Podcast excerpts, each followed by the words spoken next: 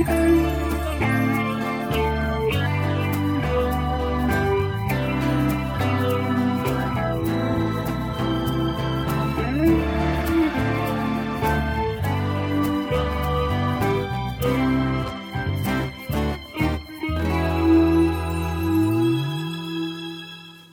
och hjärtligt välkomna ska ni vara till podcasten Ett gott snack.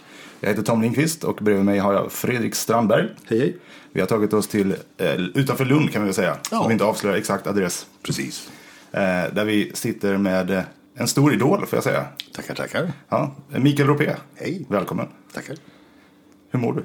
Jag mår bra. Jag har det faktiskt fint. Det är, det är lugnt. Skönt. Ja. Eh, hur skulle du förklara vem du är? För folk som inte har någon aning. Oh, jag är ehm, reklamröst. Är jag nog mest känd som idag. Men eh, jag har ju också lagt röst åt en massa figurer i tecknad film.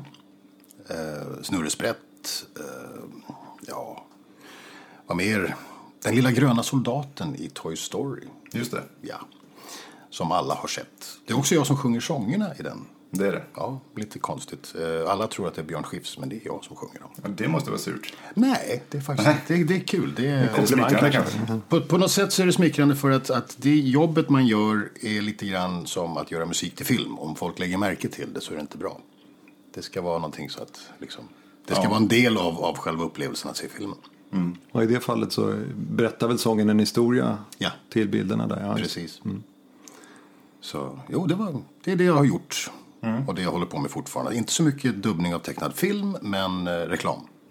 Det, Jag skulle nästan vilja sträcka mig till att du, du kanske är en av de absolut största och vanligaste. Jag vill säga som så att jag var en av de första som började med det i Sverige. Ehm, och det har gett mig en, en eh, fördel för att min röst känns igen. Eh, och då blir den trygg. Vilket är en fördel för kunder för att de vill ha en röst som kan sälja produkten som är trygg och som folk är vana vid. Ehm, så det är min fördel, men det finns ju väldigt många nya röster som kommer hela tiden. Men kan inte det bli en nackdel också? Att, vänta nu, gjorde inte du reklam för det där? Ska du Jo, jag måste ju hålla koll på vilka kunder jag gör reklam för. Ehm, till exempel om det kommer något diskmedel så kan jag inte göra någonting för konkurrenten. Nej. Utan då får man se till så att det har gått ett par år innan man gör en ny reklam för samma typ av produkt. Men jag har ju gjort reklam för olika konkurrenter. Men då med, med några års mellanrum. Med lite tid, ja, visst. Och sen samma sak, ibland måste man säga nej för att det är för mycket Mikael i radion just nu. Jag kan inte ta de här jobben. För att man måste också vara lite exklusiv. Man kan inte bara vara... Nej. Alltså, om man, man ska inte trötta ut folk med rösten heller. Nej. Så, ehm, då supplerar jag genom att, att eh, översätta manus Just det. till tecknade filmer. Och då har du ju en ganska stor fördel i och med att du själv har pysslat med Precis, så att jag har, jag har koll på det. Jag, jag kan vara snabb. Eh, så det, så det, är ett, det är ett bra, vad säger man? Det är ett bra extraknäck. Men vi backar lite. Hur Ja. fungerar det? Är det uppdragsgivaren som kommer till dig eller eh, går de till en studio som känner till dig eller har du? Båda dera. Ja. Det är, oftast så är det studion som ringer och bokar. Eh, för de flesta eh, kunder har ju inte koll på skådespelare. Nej. Utan då är det studion som de säger, ja vi vill gärna göra den här reklamen. Och så skickar studion röst, ehm, tests kan man kalla det för. Eh, på fyra, fem olika skådisar. Och så får kunden välja vilken röst de tycker är bra. Och där har jag haft tur eftersom min röst känns igen. Så är det många som säger, ja, ah, honom vill vi ha. Ehm, ja, Eh, om vi ska backa ännu längre då. Hur, hur började allting? Oj, allting började 1983 när jag flyttade till Danmark. Från Sverige. Jag ville bli musiker och sångare. Eh, och jobbade som det i ett par år, eller försökte att jobba som det. Ehm, men med lite hjälp från mamma och pappa och ehm, ja, sälja tomflaskor så lyckades jag överleva ett par år. och sen fick jag jobb på en studio i Köpenhamn som heter Sun Studio. Eh, som körsångare Ja. på olika inspelningar. Så det var typ dansk topp då. Inte svensk topp utan dansk topp. Ja. Så jag har sjungit på väldigt många dansbandsplattor. Jaha. Okör och sånt där i bakgrunden. Sen en dag så frågade min chef mig om jag kunde läsa. Och så sa jag, men är du dum i huvudet? Självklart kan jag läsa, men nej, men kan du läsa högt?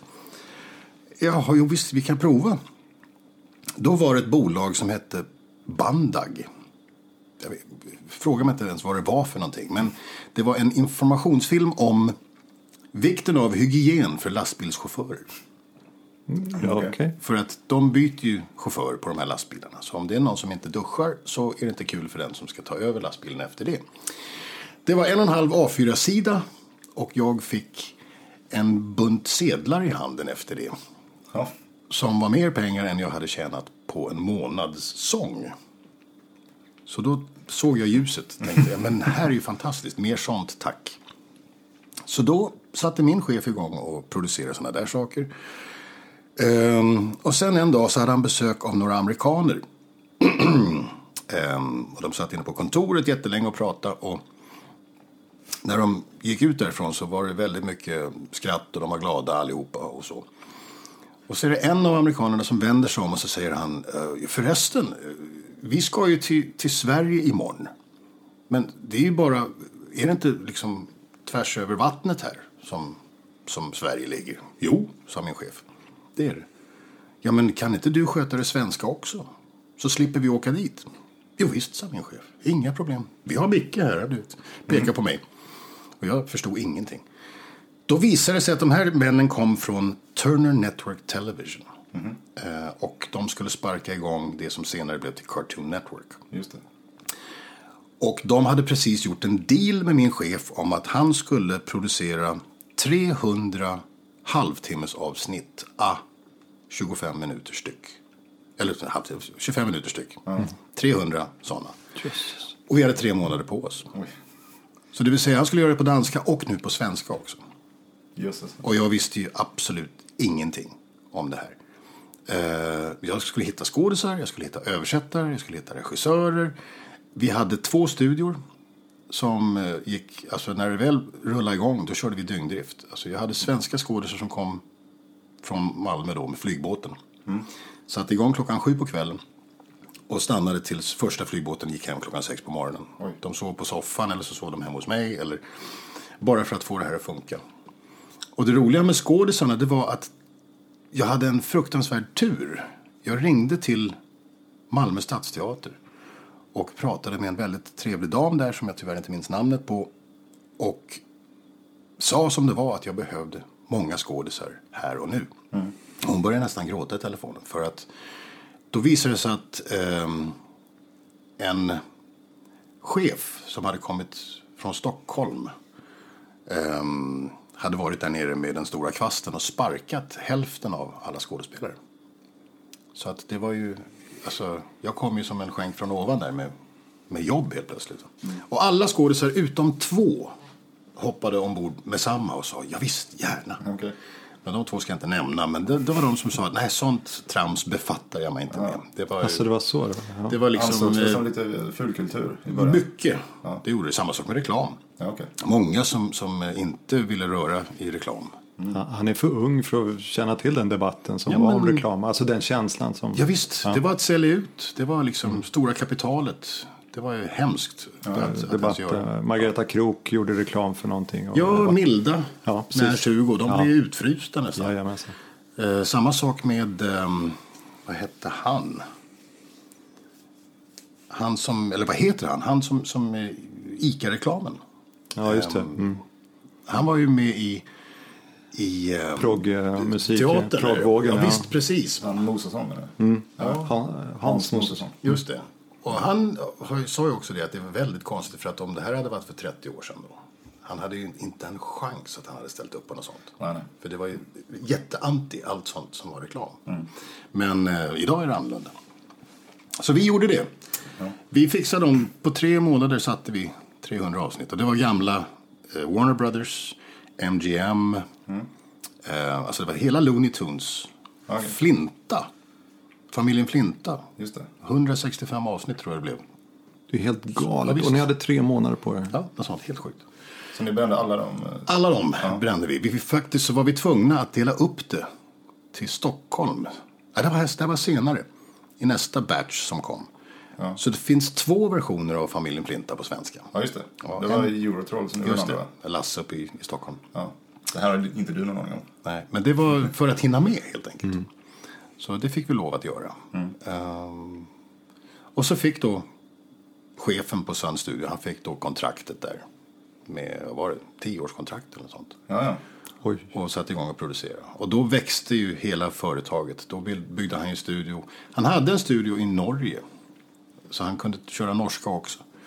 Och sen så utvecklades det och det blev liksom Finland, det blev ehm, ja, Holland. Eh, alltså det blev jättestort. Och eh, jag höll på där tills 99. Då gjorde vi allting i, i Köpenhamn. Eh, om det var någon större film som vi skulle göra, då skickade de upp mig till Stockholm ja okej. med en tekniker och så hyrde vi in oss i någon, någon studio. Antingen Eurotroll eller eh, ja, någon annan studio. Så spelade vi in då. Björn Skifs till exempel spelade vi in ehm, i Stockholm. Okej. Alla andra skådespelare spelade vi in nere i Köpenhamn. Ja. Och sen 99 då så tog chefen beslutet att nu, nej, nu gick det inte att hålla på med skådisar för att Disney och de andra större bolagen, Dreamworks och så vidare, de ville ha stjärnskådisar. Och de finns ju i Stockholm. Så då skickades jag upp till Stockholm för att hitta lokaler ehm, och tog hjälp av en god vän som heter Magnus Vegas som hittade Filmstaden ute i Solna Just det. gamla Filmstaden. Som var faktiskt rivningsfastigheter. Eh, och där var en, en kåk med tre stycken mixbiografer. Ehm, det var plug and play. Det var helt orört. Det hade stått där sedan 70-talet. Och det var Ingmar Bergmans gamla eh, studior. Som han hade suttit och mixat biograffilmer i och så. Så där hoppade vi in och eh, satte igång produktion. Och det var en riktig pionjärstuk. Det var jättekul. Vilket år var detta? Så? 99. 99, 2000. Ja, och sen så höll jag på där i, tills 2005. Eh, och bodde i Köpenhamn fortfarande, så jag flög fram och tillbaka och, och jobbade. Ehm, och sen 2005, då fick min chef nog av allt det här. Ehm, han, bara, han hade fått nog helt enkelt. Han var nöjd. Så han sålde alltihopa till ett stort bolag som heter SDI Media. Och beslöt sig för att bara ha kul resten av sitt liv och spela in musik istället. Ja, ja. Ja. Eh, Så det gör han nu. Okej. Hur påverkar det er? Ja, men det påverkar mig som så att jag eh, hade också fått nog. Jag liksom var nöjd, jag hade gjort det jag ville. Ehm, och sen tyckte jag också att det hade blivit lite för mycket fabrik. Ja, ja. Att eh, det var för lite tid och för mycket jobb. När jag började så kunde vi, alltså, vi kanske satte 70 repliker på en timme. Om man var bra. Nu så är de uppe på över 100 repliker per timme. Ja, ja. För att det ska liksom, det ska, de ska tjäna pengar också. Ja. Ehm, och vi, vi hade mer tid på oss till översättning. Eh, vilket är ett plus. För att mm, när man översätter så ibland ska man tänka ett par dagar innan man kommer på liksom rätt ord, rätt Precis. eh, och så. Det har man inte tid med nu. Ja, jag vet, Annika Smerius pratar om, om det i en podcast också. Precis. Eh, speciellt med ordvitsar och sånt. Just det. Om man ska översätta dem så kan det vara klurigt. Ja, alltså jag hade en, en, alltså, ja, en hopplös en jag skulle översätta en gång. Hur var den? Jo, från danska till svenska. Jag skulle översätta. ehm, på danska så var det en sang fra de gamle dage när en man var en man och en bösse var ett skydevåpen. Eh, bösse betyder bög på danska. Och skydevåpen är såklart skjutvapen. Och det är en ordvits som, som funkar på danska, det funkar inte alls på svenska. Och jag gick runt där och tänkte, vad fan, hur ska jag fixa det här? Åh. Och så satt jag ute i, i kommer ihåg, satt ute i köket där på Sandstuga i Stockholm. Och eh, min gode vän Adam Fietz sa, vi gick igenom vad kan man använda för andra ord? Och då kom den liksom, en sång från den gamla goda tiden när en man var en man och en fikus var en krukväxt. Jaha. Där har vi den. Där har vi den. Men det tog tid att komma på den. Man skulle också komma på någonting som inte liksom för, förolämpade någon. Eller, ja, precis. Eh, Men idag så har man inte tid att gå runt och grubbla i ett par timmar på en, en ordvits. Utan det ska vara här och nu. Då blir det lite krystat. Speciellt om det är någon tv-serie man översätter där det är burkskratt. Om man tittar och så ser man liksom att jaha, där har de inte översatt skämtet. Eftersom man hör ett skratt. Men det är ingenting roligt som Det är blir ingen sagt. punchline på Nej, svenska. All right. Då blir det helt konstigt. Ja, det är klart. Så, jo. Ja, det vet jag. Vi känner, jag har gemensam bekant som också jobbar som översättare på tv. Alltså skriver textremsorna. Eller vad man kallar Ja, det. där, Hon märker att eh, mer och mer uppdrag. Det är studenter i London liksom som Ja, får ta det där som jobbar för 20 spänn i timmen. Och, och det, kvaliteten Den blir därefter blir naturligtvis. därefter. Ja, precis. Ja. Nej, tråkigt. Ja. Men det är ju den vanliga utvecklingen för allting. Mm. Alltså, det är ju samma sak som telefoner. De första telefonerna som kom, de var ju... De höll. De höll. Ja, men det var ju liksom batterier, otroliga eh, material. Jag tror den första iPhonen kostade mer att tillverka än den, den såldes för. Ja, ja. I material. Och sen så har de ju bytt ut allting nu mot plast. Och, Mm. Så det är det. Det ska vara effektivt och man ska tjäna pengar. Absolut. Jag är lite nyfiken på de här skådespelarna från Stadsteatern i Malmö. Ja. För det var ju de som sedermera kom att jobba på SD i media. Eller ja, var i Sun Studios. Precis. då. Ja. Eh, Så det var ju lite samma gäng då förstår jag. Det Som- var nästan samma gäng. Alltså, från början så var det Thomas Engelbrektsson, Mm. eh, Pierre Lindstedt, Jaha, Olli Markenros, Nalle Puh. Nalle Puh precis. Eh, bästa Nalle Puh tycker jag vi har haft. Mm. Eh, och så var det eh, Stefan Frelander. Han är grym. Som, han är grym, men han var inte skådespelare. Han var basist från Malmö. Eh, spelade med Tricky Track bland annat. Mm. Jätteduktig. Men eh, en fruktansvärt begåvad röstskådis. Mm. Ehm, så han, varje gång vi skulle ha någonting konstigt så var det alltid han som fick de, de rollerna. Värstingen, det var, vi gjorde Ed, Ed and Eddie. Ja, just det. Där han, stackaren, blev godkänd till två Av de tre. av de tre Eddie. Eh, och både de värsta, de som skrek mest. Ja. Så att han var helt slut efter en session med det. Och det gjorde han, jag vet inte hur många avsnitt. Så jo, jo, han, han har, han har blöd, vad heter det? Han har lidit för konsten, kan man säga. Du var den tredje, Ed. Jag var den tredje, men han var bara lugn och snäll. Inte så mycket skrika. Lite rädd. Väldigt rädd. Ja. Men eh, backa igen. Alltså det, Ja. det du sa om att det här med 100 repliker i timmen. Mm. Har man då en anteckning? För då, man måste ju ha, förstå vilket... En replik kan ju sägas på så många olika Ja, sätt. naturligtvis. Och det är det som är problemet. Ja, har du det, en anteckning om vilket humör? Är du för, frågande? Är du rädd? Ja, alltså, men du måste ju ha precis. så. Och vad är det vi talar om? Ja. Mm. Alltså, står det i manus, vad är det? det kan ju vara, alltså, vad är det? Vad är det? Vad är det? Alltså, du kan, vad är det vi pratar om? Alltså, Syftningsfel uppstår hela tiden. Ja, just. Men ehm, när det är sån här riktig dubbning som de gör idag. Då hinner man inte ens se repliken innan man säger det. De rullar bara på, pang. Så är det någon prompt där som... Och så, det, så sitter någon och kollar, och, alltså teknikern sitter och kollar, alltså man sitter framför en teleprompter. Ehm, eller en tv-apparat och i botten på, på skärmen så är det en, en klocka. Som, som en digital klocka som tickar och man ser sekunder. Och i manus så står det också ehm, när repliken börjar, vilken sekund. Så då kan man liksom höra, så hör man engelskan i lurarna. Och då får man tajma, när den sätter igång så ska du börja och så ska du helst sluta samtidigt. Du menar att man klipper inte ens? Ja, det gör man efteråt. Alltså teknikern kan klippa till det. Om det inte funkar. Man kan också förlänga, sträcka på en, en, en mening digitalt. Ja. Eller sätt, krympa den. Ehm, men du måste ju ändå ha något hum om vad det är du pratar om. Mm. Så då har de, när allting är gjort så har de det som heter QC, Quality Control. Att någon sitter och tittar igenom alla episoder. Och noterar att aha, det där funkar inte och där gjorde de en miss. Mm. Och så kan de skådespelarna komma in igen. Men det kostar också pengar. Mm. Så ju fler, ehm, som till exempel när jag översätter så markerar jag om det är ett ord som ska tryckas, att det här ska man liksom trycka på. Okej, ja. Det är viktigt. Eh, Jag tycker bla bla bla och så vidare. Ehm, så jo, det är mycket sånt som kan spara tid. Men så har du ju skådespelare som är otroligt snabba. Eh, Andreas Nilsson är nog den som jag har jobbat med som är snabbast av alla. Han kan, jag vet inte, han är en maskin. Han, Och han har rätt. det. Han, liksom, han gissar rätt varenda gång det kommer en sån där. Någon, någon fråga som man inte, eller någon replik man inte helt, helt har koll på. Men han har ju varit med från början också. Det har han. Han började hos Lasse. Jättelänge sedan.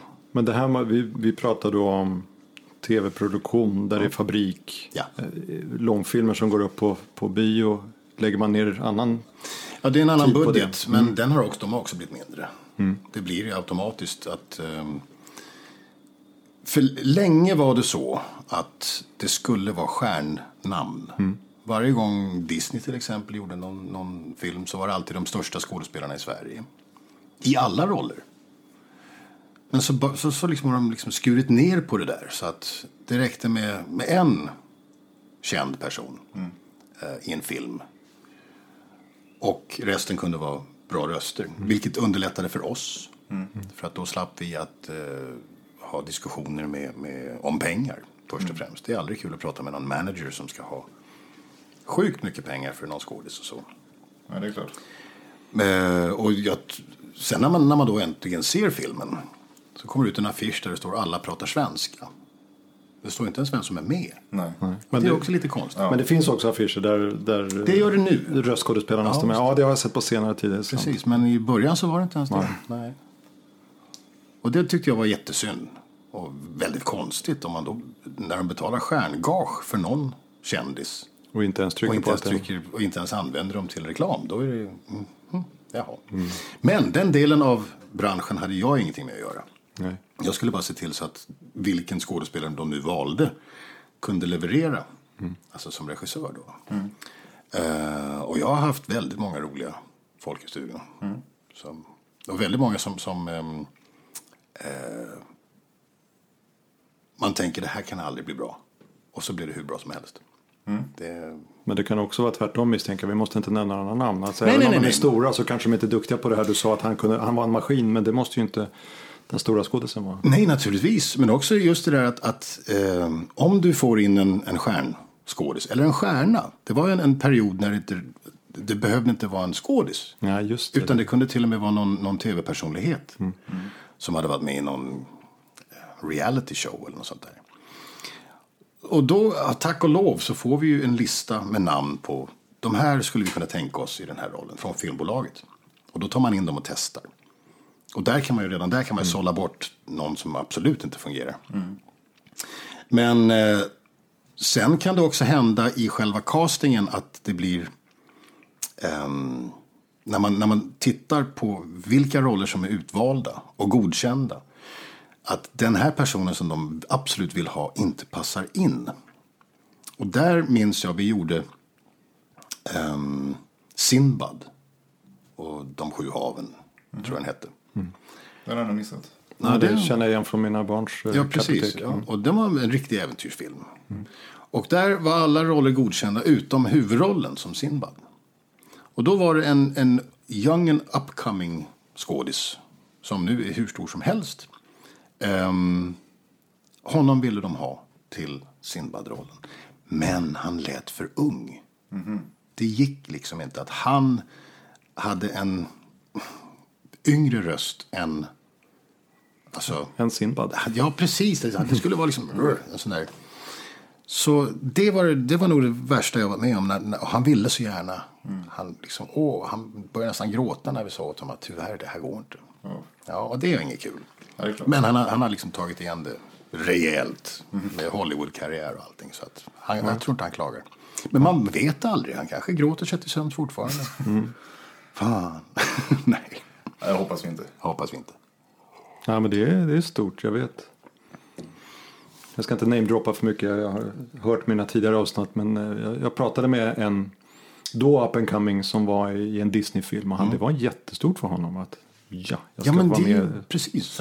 Alla har ju vuxit upp med det. Peter Jöback. Peter Jöback, ja. Aladdin. Ja. Jag pratade med honom innan filmen. Han var, oh, nu, Ja, visst, kul där. för att det var ju Disney. Ja, vi gjorde ju, Jöback var ju med i två filmer vi gjorde. ehm, om den här musen, Stuart Little. Stuart Little. Just det. Ja. Och det, han är skitduktig, mm. Jöback. Oj, ja, det kan jag tänka mig. Ja, visst.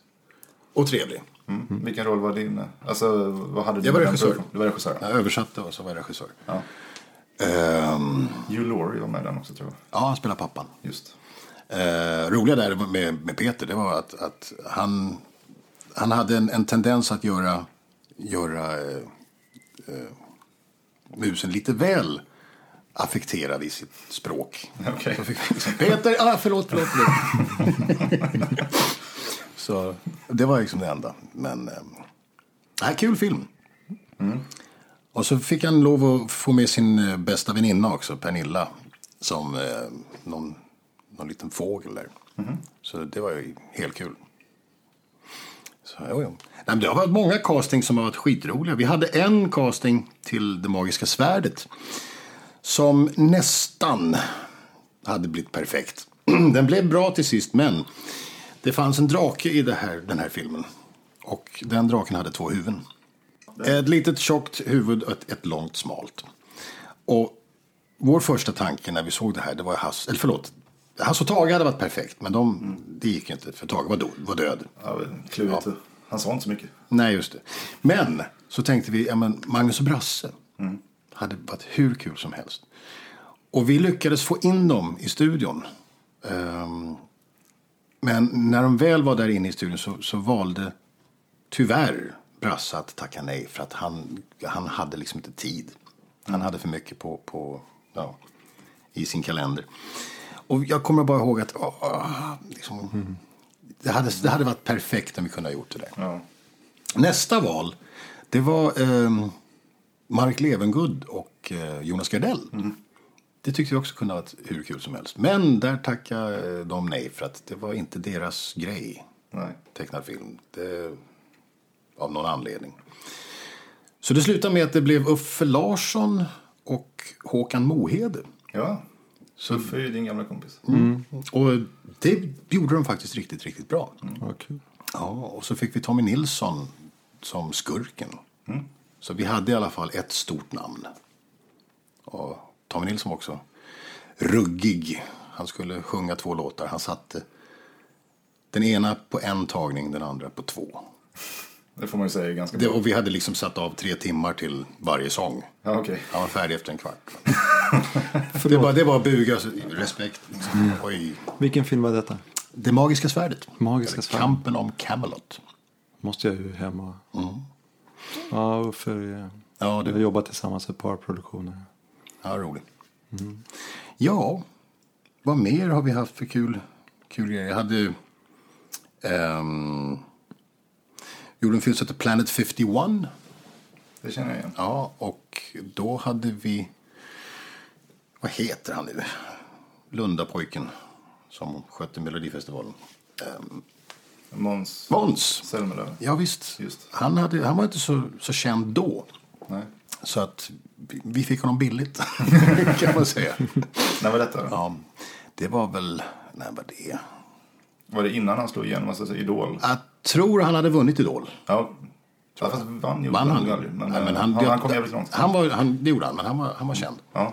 Men eh, det var innan han, han eh, skötte Melodifestivalen och allsångerna. Ja, ja, visst. Så, eh, och vad har vi mer eh, haft för roliga folk? Eh, David Batra mm -hmm. hade vi på Mastermind. Okay. Eller Megamind, förlåt, hette den. Ja, det på svenska. Ja. Jo, det har varit sådana där kul, kul folk som har kommit in och sen, sen har de exploderat och blivit stora. Mm. Um, ja. Men, eh, din dialekt.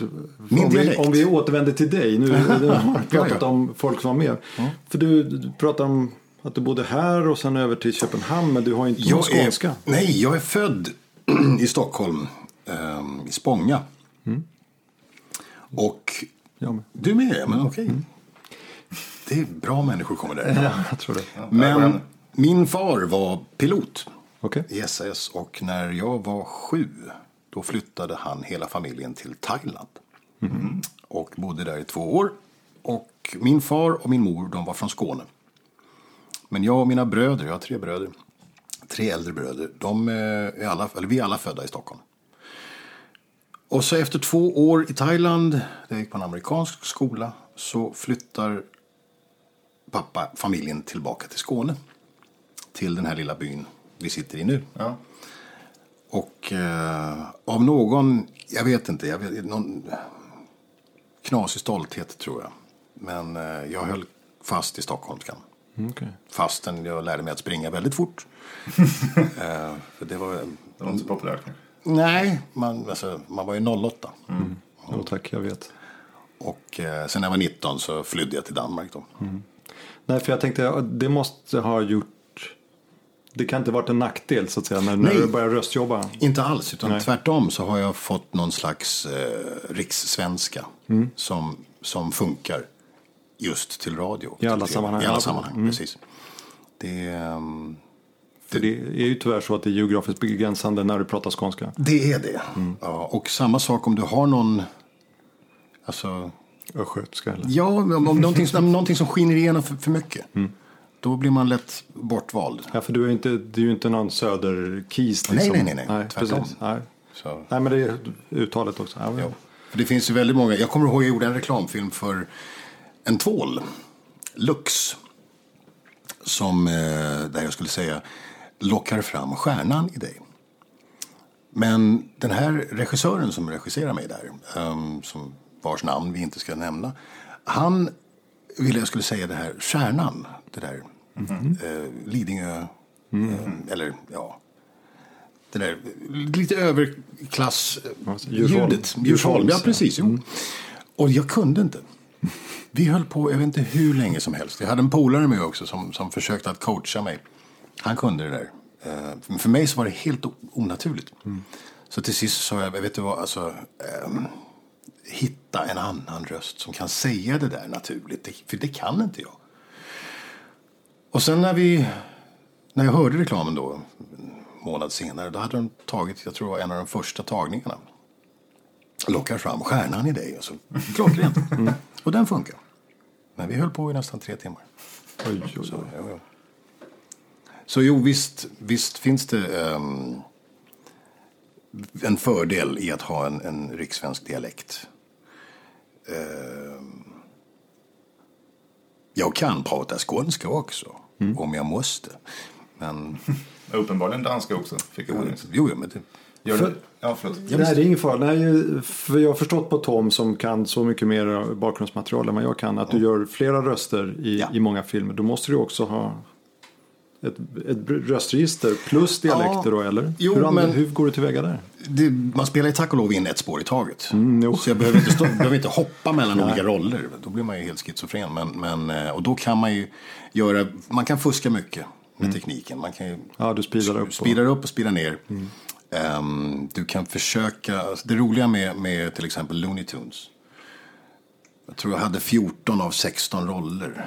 Oj. Ja, ja, det var alla Porky Pig, Daffy Duck, Bugs Bunny, alla de där på svenska.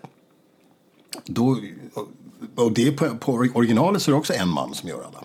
Han heter Mel Blanc. Han gjorde alla Looney Tunes, utom kvinnorollerna.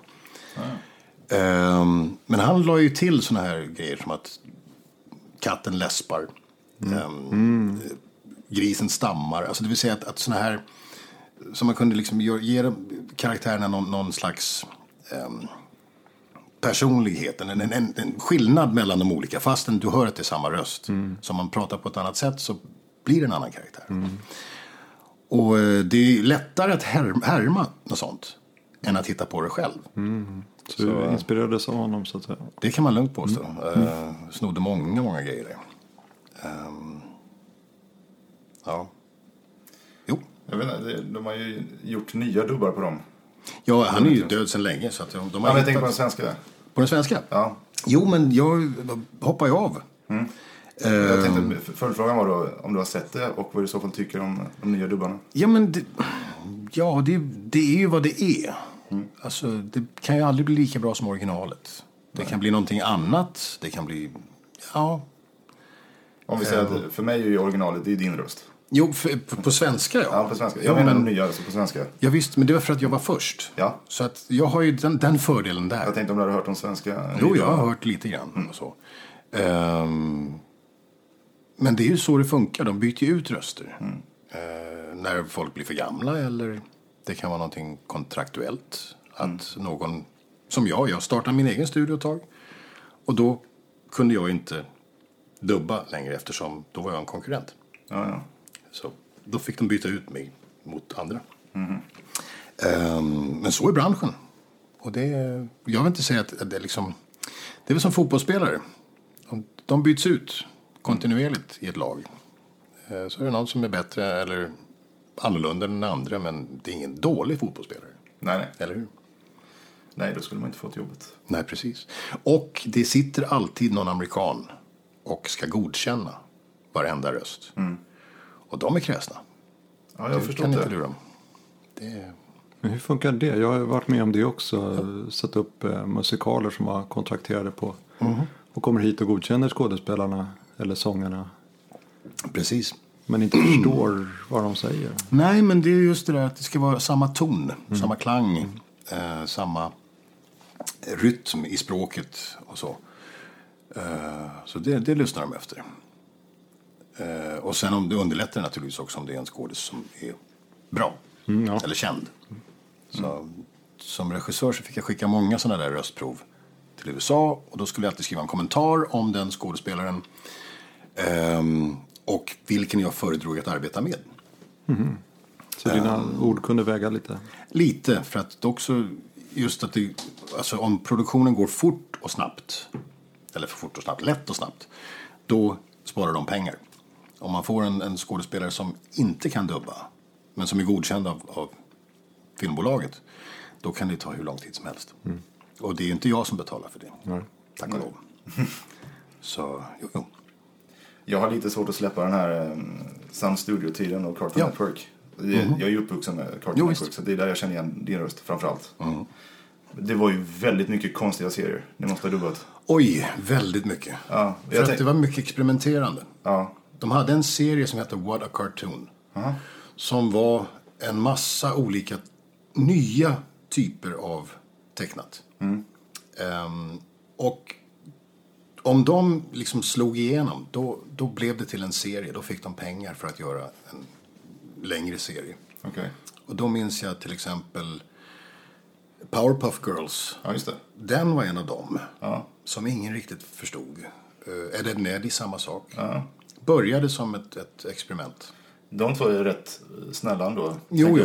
Jag. tänker på typ eh, ko och kyckling. Ko och kyckling, den Hemskt konstig serie. ja, väldigt rolig. Ja. Hur kul som helst, men, men på Thomas gränsen. Engelbrektsson han hade ju en roll i den som någon jävel som Ja. hoppar omkring I- utan kläder. Utan brallor. Ja. precis. Och jag, serie. ja, och jag skulle spela kyckling och eh, Gisela eh, Rasch spela ehm, ko. Kona, just det. Ja. Och det var hur sjukt som helst. Ja, vad, vad tyckte ni om själva serien när ni stod och kollade på det? Jag måste ha sagt massa dumt. Vi, jag tror vi, vi stod mest som liksom med öppen mun. Och, vad, vad i helskotta var det? Men vi gjorde dem, alltså. Det var ju kul. Ja. Det blev kult. Men det roligaste, det roligaste tycker jag är att man ser den där t-shirten ser man överallt. Med ko och kyckling. Alltså, Ja. Det, den har blivit mer kult än, än Många har inte sett serien. Nej. Men har t-shirten. så, något som var fruktansvärt bra det var ju outro-melodin. Jag vet inte om du kommer ihåg men... Den minns jag inte. Nej.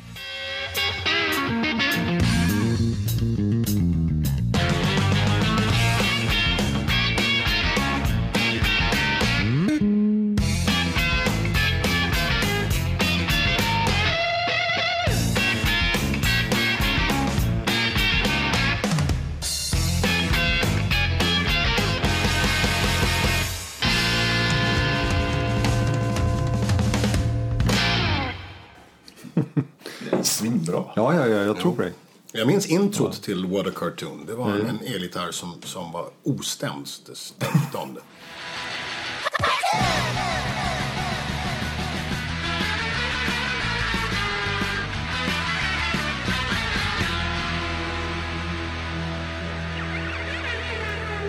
Jag är för gammal för det här, men eh, mina barn, jag, äldsta är 21 och yngsta är Mm, men det är 15. så det, Precis, det är den. Ja. Men det, de kommer säkert hoppa tillbaka till Ja, det här. Jag, du, vi pratar lite teknik. Ja. För du pratade studio förut, men precis innan vi slog igång inspelningen så pratade du om att eh, du spelar in med mikrofon direkt till mobiltelefon. Ja, Så man, tekniken du, har blivit så bra nu så att man kan göra eh, till exempel radioreklam hemifrån. går in i en garderob här och... Ja, och, eh, alltså, någonstans där det är ljudisolerat.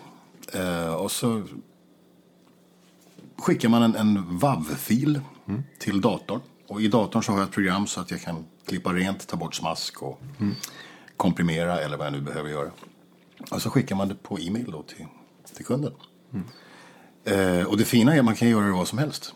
Jag kan ju sitta på semester på något hotellrum och spela in. Men det är ju nödfall. Naturligtvis, är, de vill ju helst att man ska komma till studion. Ja, ja, ja. Där de har mikrofoner som kostar massor med pengar. Och eh, låter. Så pekar du på min mikrofon. Den kostar ingenting kan jag säga. Nej, men jag menar, alltså, det, ska vara, det ska vara liksom... Och plus att då har man en regissör med i studion som, som säger... Nej, mer tryck på priset, tack. Ja, okej.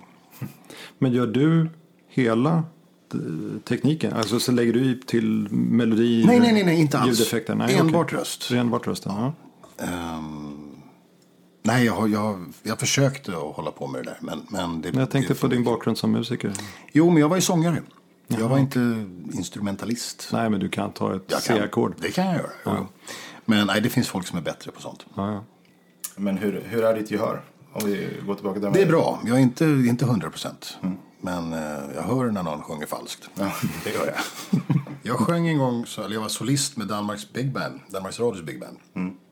Och det var en jugoslavisk, det, Jugoslavien fanns ju då. En eh, jugoslavisk eh, dirigent, dirigent. Och han stoppade ett rep en gång mitt i en låt. Och så pekade han på en av trombonisterna. Och det var det enda han behövde göra. Och trombonisten visste att jag fan, jag var lite sur där. Men det, han hade perfekt gehör. Det låter som Frank Zappa som skrev på skivomslaget på live. Eh, Ber om ursäkt för trumpeten i det andra stycket Just det. som Alltså, ja. ut. Jo. Ruggigt att folk har sån hörsel. Ja. Men det, då vill jag gå in på Bamboo Brothers. Ja. Berätta om hela den grejen. Ja du, när jag började i Köpenhamn. Eh, det började faktiskt med att jag, jag tog en jazzkurs eh, på två veckor. På något som heter Brandbjerg högskole. Eh, och det var en sån här intensivkurs kan man kalla det. Det var mer en stor jam session på två veckor. Var hänga ute med musiker och ha kul. Jag dricker alldeles för mycket dansk öl. och där mötte jag en basist som hette Assie. Och eh, när vi kom tillbaka till Köpenhamn så fick han för sig att han skulle sätta ihop ett band. Så han bjöd in mig och några andra killar till ett möte en eftermiddag. På någon bar. Jag kommer ihåg vi spelade flipperspel. Och så var det det ungefär. Okej. Ja, och så satt vi och försöka skriva låtar tillsammans. Det skulle inte vara kopilåtar, det skulle vara liksom våra egna. Så det blev ju, alltså vi kopierade ju istället. Vi snodde ju armar och ben från alla våra hjältar och så. Ja. Eh, och så fick vi ihop ett band som faktiskt funkade och lät riktigt bra.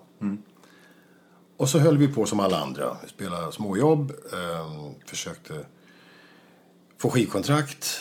Men vi sjöng på engelska och det var inte poppis i Danmark just då. Jag sjöng och killarna sjöng kör. Det vill säga att det var inte poppis i Danmark heller. Då skulle det vara kvinnliga solister. Det skulle vara Anne, Henne, Sanne och vad de hette allihopa. Ehm, Så vi hade liksom allt emot oss.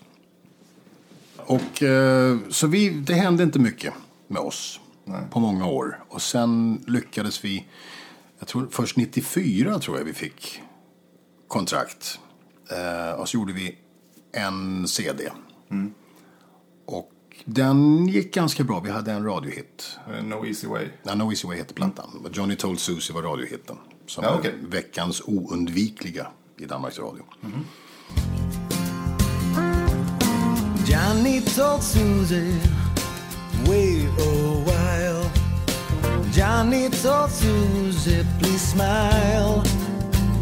It was only natural that she moved in just for some time.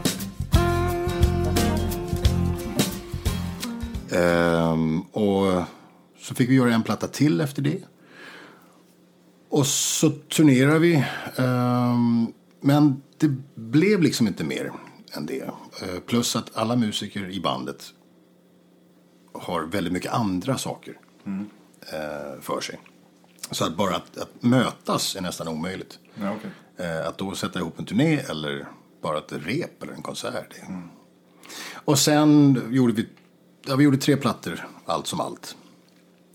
Fira 30-årsjubileum för fem år sedan. Oj.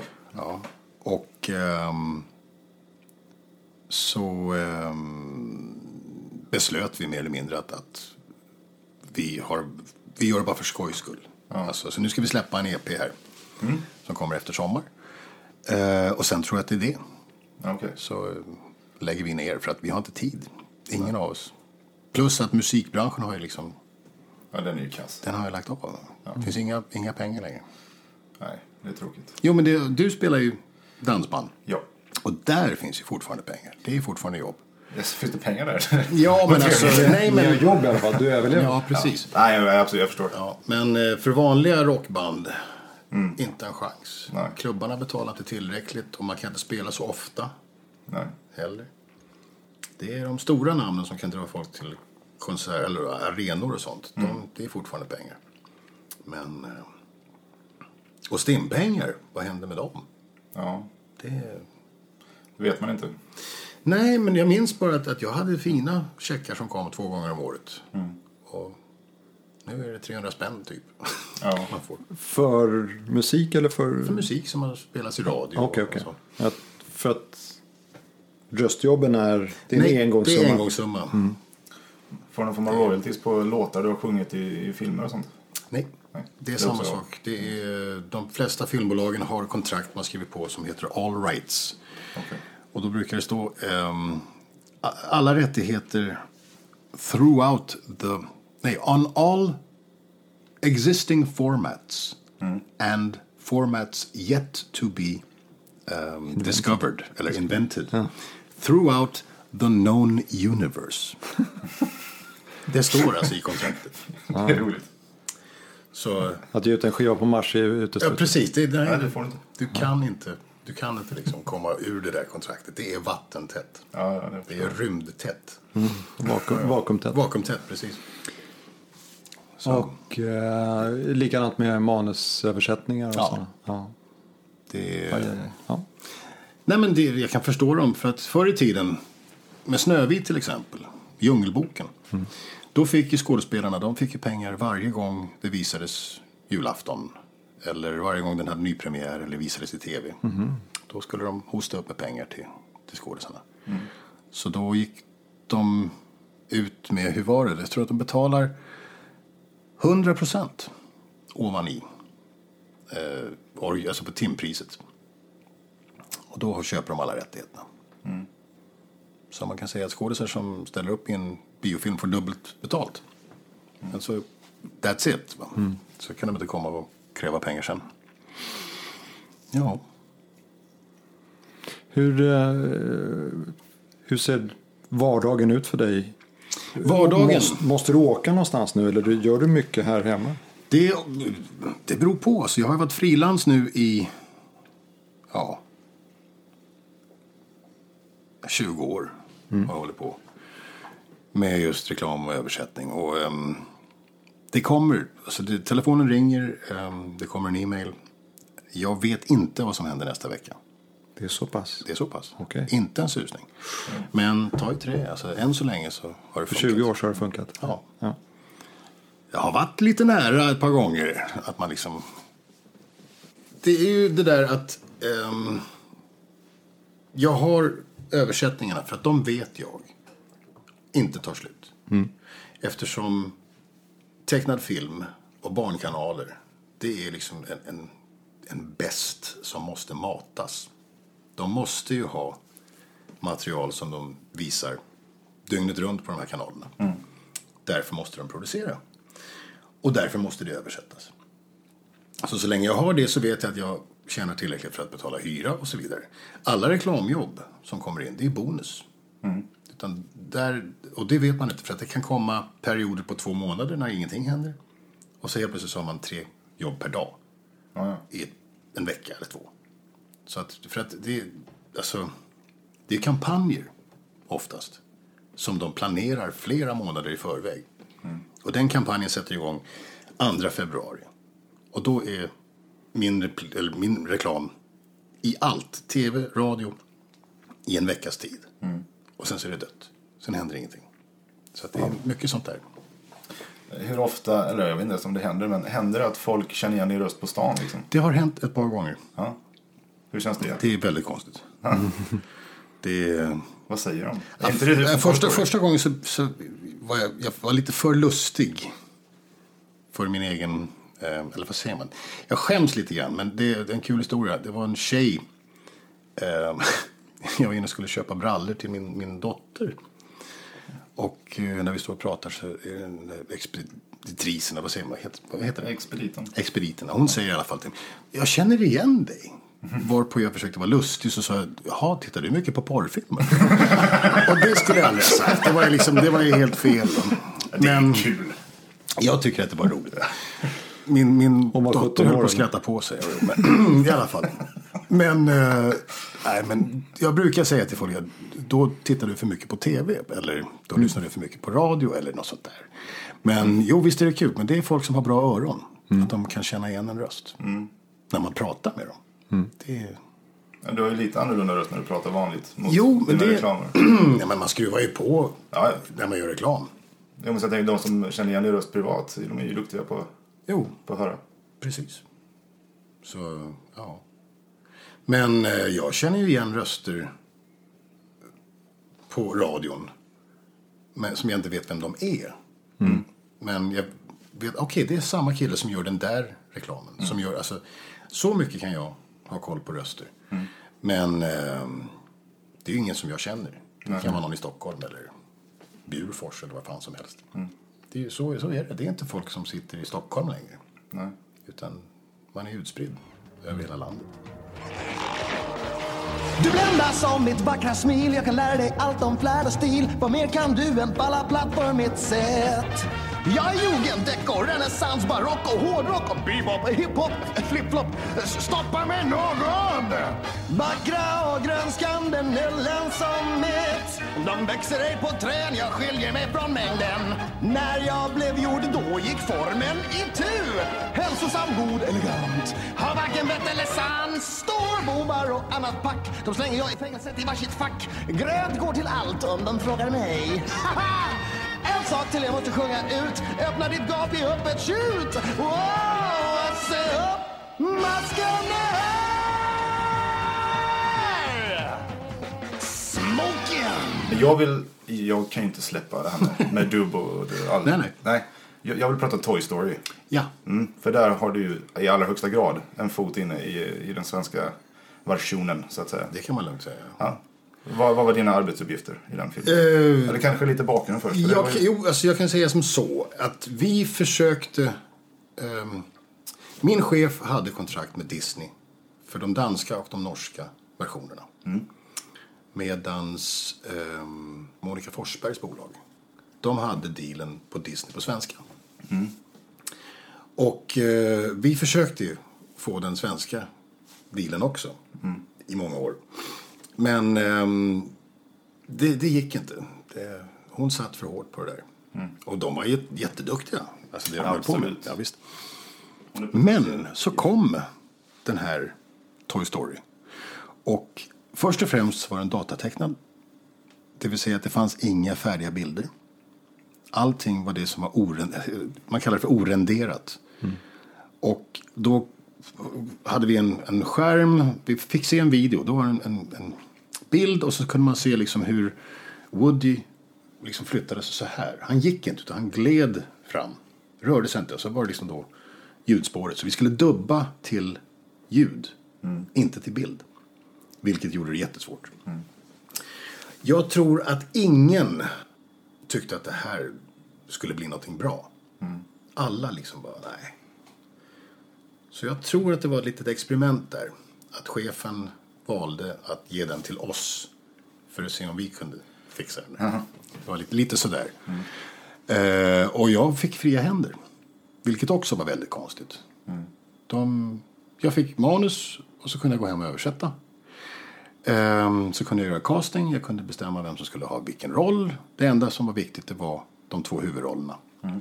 Eh, och då blev det då Björn Skifs och eh, Fredrik Dolk. Fredrik Dolk.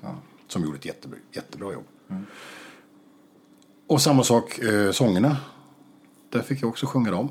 För jag blev godkänd konstigt nog som, som, eh, som sångare där av Disney. Jag är din bäste vän. Jag är din bäste vän. Kom så samlar vi ihop boskapen. När din väg känns tung att gå När du är mycket långt från din trygga vrå Vi använder bilen. När du är ensam ska du tänka på Att jag är din bäste vän Yeehaw! Ja, jag är din bäste vän Hej cowboy. Och samma grej när den kom ut. Det var ingen som hade förväntat någonting alls. Tills de såg den och då var det bara wow. Och det var ju den största. Det var den Disney-film som hade spelat in flest pengar i Sverige. Någonsin. När den hade premiär. Ja. Det var liksom helt sjukt. Och då var det i alla tidningar och jag kommer ihåg jag fick en sån här bibba med recensioner och artiklar. Från Disney då. Alla tidningar i Sverige, vad de hade skrivit. Det var ju en dålig recension. Alltså, Någon liten lokaltidning uppe i Norrbotten. Där de klagade över att eh, det inte var folkkära artister. Som vanligt. Det är ju i rollerna. taskigt mot uh, Björn Skifs. Jo, men alltså att det var bara han. Ja, okej. De menar att det skulle, alla rollerna skulle ha varit kända namn. Nej, den är perfekt. Jag tycker också den är, den är perfekt. Den bunten med positiva så. Den Och du en- minns är den Ja, dåliga. men det är så. Så är det alltid. Ja. Det var liksom, ja. Ja, kul. jag, var, jag var med på premiären i Stockholm och där var John Lasseter var där. Oj, oj, oj. Och eh, Ralph Guggenheim som var en av producenterna. Eh, och de var överlyckliga. Det var, ja, de tyckte att det var jätte, jättebra. Vad kul. Mm. Ja, det måste ju varit någon boost. Jo, jo, det, det är lite kul att John Lasseter är chef för Disney. Ja, att han, han tog sig tid och... Så, men då var han bara chef för Pixar. Ja. Men jag tror Sverige hade väl första premiären i Europa. och Tror jag. Och därför var han där. Ja, okej. Så jag kommer ihåg vi satt, vi, tre satt på ett bord på en scen på Grand Hotel i Stockholm. Och så satt då alla journalisterna nere i publiken och jag satt så här med händerna, eh, du vet, knutna framför mig och kunde se att det bildades en, liksom, en, en pöl med svett. jag var så jävla nervös. Eh, Nils Petter Sundgren Ja. satt i publiken och frågade mig om, jag, om det var jobb, om det var svårt att, att eh, ja, förvandla den här filmen till svenska. Yes, sa jag.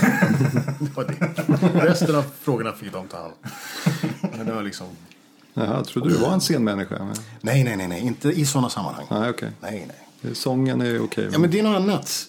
För att då har man ju stått i en replokal, förberett sig, man kan allting. Man kan låtarna utan till, man vet vad som kommer att hända, inga överraskningar. Men att sitta framför en samlad press med en, du vet, ja, kända människor runt omkring en och, nej, det tycker jag inte om.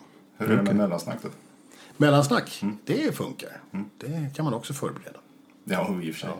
Men eh, nej, det är, jag är ingen ståuppare Nej. på något sätt. Men Och jag- det, det har inte varit aktuellt att ställa sig framför en kamera till exempel och agera. Eh, Jag har gjort en ICA-reklam en gång. Men det var ju för att jag var röst. Ja, just det. Det minns till och med jag. Ja, Mm, jag har sett den också. ja och eh, den... Många sa åt mig att det ska du inte göra för att det är bättre att vara anonym. Eh, Det är fler jobb än om du är knuten till en, ditt ansikte är knutet till en produkt. Eh, och jag tänkte länge och så tänkte jag men det vore kul i alla fall. Ehm, och för de som inte har sett den kan jag tala om att jag går runt i en ICA-affär och, och läser priser med en överdriven reklamröst. Mm. Men det syns inte bild först. Jag syns inte i bild först förrän jag går fram till någon kvinna som, som står och tittar på hallon i frysdisken. Och så säger jag, och det här det är ICAs egen produkt till bara 99 och 50, du vet. Är överdrivet. Och hon tittar på mig som jag är galen. och sen så står han, eh, expediten med mustaschen, jag minns inte vad han heter. Ja, han heter nog Sebastian tror jag. I Ja, precis. Och så någon tjej där och så säger hon till honom, vem är det där? Så säger han, ja, det är den där reklamrösten. Han kan inte släppa jobbet. Åh, tragiskt, säger hon. Och det är liksom skämtet. Va? Och jag fortsätter att rabbla på i bakgrunden där. Och det är fantastiska priser, jag har aldrig sett något så billigt. den är jätterolig. Den är jättekul. Ja. Den gick tyvärr bara i fyra dagar. Jaså. Sen visade det sig att de här hallonen, det var där vinterkräksjukan kom. Oj då. Så den drogs tillbaka från, från tv. En annan punchline än vad de hade tänkt sig. Ja, precis. Skitkul. Men, så att jag fick mina 15 minutes of fame där. Det var, ju, det var kul. Men annars så, nej, det är inte min, Nej. min grej. Det, är, ja, det finns folk som, som är mycket bättre och som vill det där. Jag trivs faktiskt ganska bra med att vara anonym. Bakom kameran, det, bakom micken, det, det funkar. Jag har ju också sett ehm, många av de kändisarna vi har i Sverige. Hur svårt de har det med privatliv. Det är inte kul. Nej. Jag kommer ihåg vi hade Carola inne på ett röstprov en gång för Anastasia. Och då hade vi hade paparazzi ute i buskar utanför studion. Då. Eh, och då var hon höggravid. Eh, med vad han nu heter, Amadeus. Amadeus. Ja. Och jag tyckte bara, alltså kan man inte ens låta en gravid kvinna få lite lugn och ro? Nej. Så, ja, ja. Fick hon jobbet? Nej, tyvärr. Ehm, hon var jätteduktig, men, men ehm, filmbolaget... Nej, förlåt. Nu ska jag... Hur var det? Disney gillade hennes... Förlåt, det var inte Disney. Det var Warner Brothers. Nej, nu ljuger jag. Det var Fox, 20th Century Fox. De gillade henne. ehm, men det var något politiskt för att eh, hennes man var väl inblandad i någonting som inte var helt... Jaha. Sköt han rådjur ut genom Jag, vet, jag, min, jag minns inte vad det var, men... Det räcker väl. Det var, han, han, jo, men det var något negativt i, i tidningarna eh, om Runar och då, då valde bolaget att eh, vi ska, inte, vi ska inte blandas ihop med någonting som har negativ press just nu. Okej. Eh, och det var ju lite synd. Mm. hade varit kul att jobba med henne. Så det blev ehm, Men hon var duktig på, på att läsa repliker och sånt. jättebra. Hon sjunger fantastiskt också. Det gör Ja. Men så blev det Helene Sjöholm. Inte heller dåligt. Inte heller dåligt. Nej. Hon gjorde ju, hon, hon svepar ju, ja, ja. Hon, hon snodde den rollen. Ja. Klockrent. Ja, det tror jag det. För drömmen var att det skulle vara Peter Jöback och Carola. Det var ju till och med tidningarna som skrev att det ville de ha. Så, men det blev inte något. Så det blev Peter Getz som också jättebra sångare. Och Helen Sjöholm. Och ehm, Loffe, Loffe Karlsson. Han var rolig att jobba med. Ja, ja. Ja.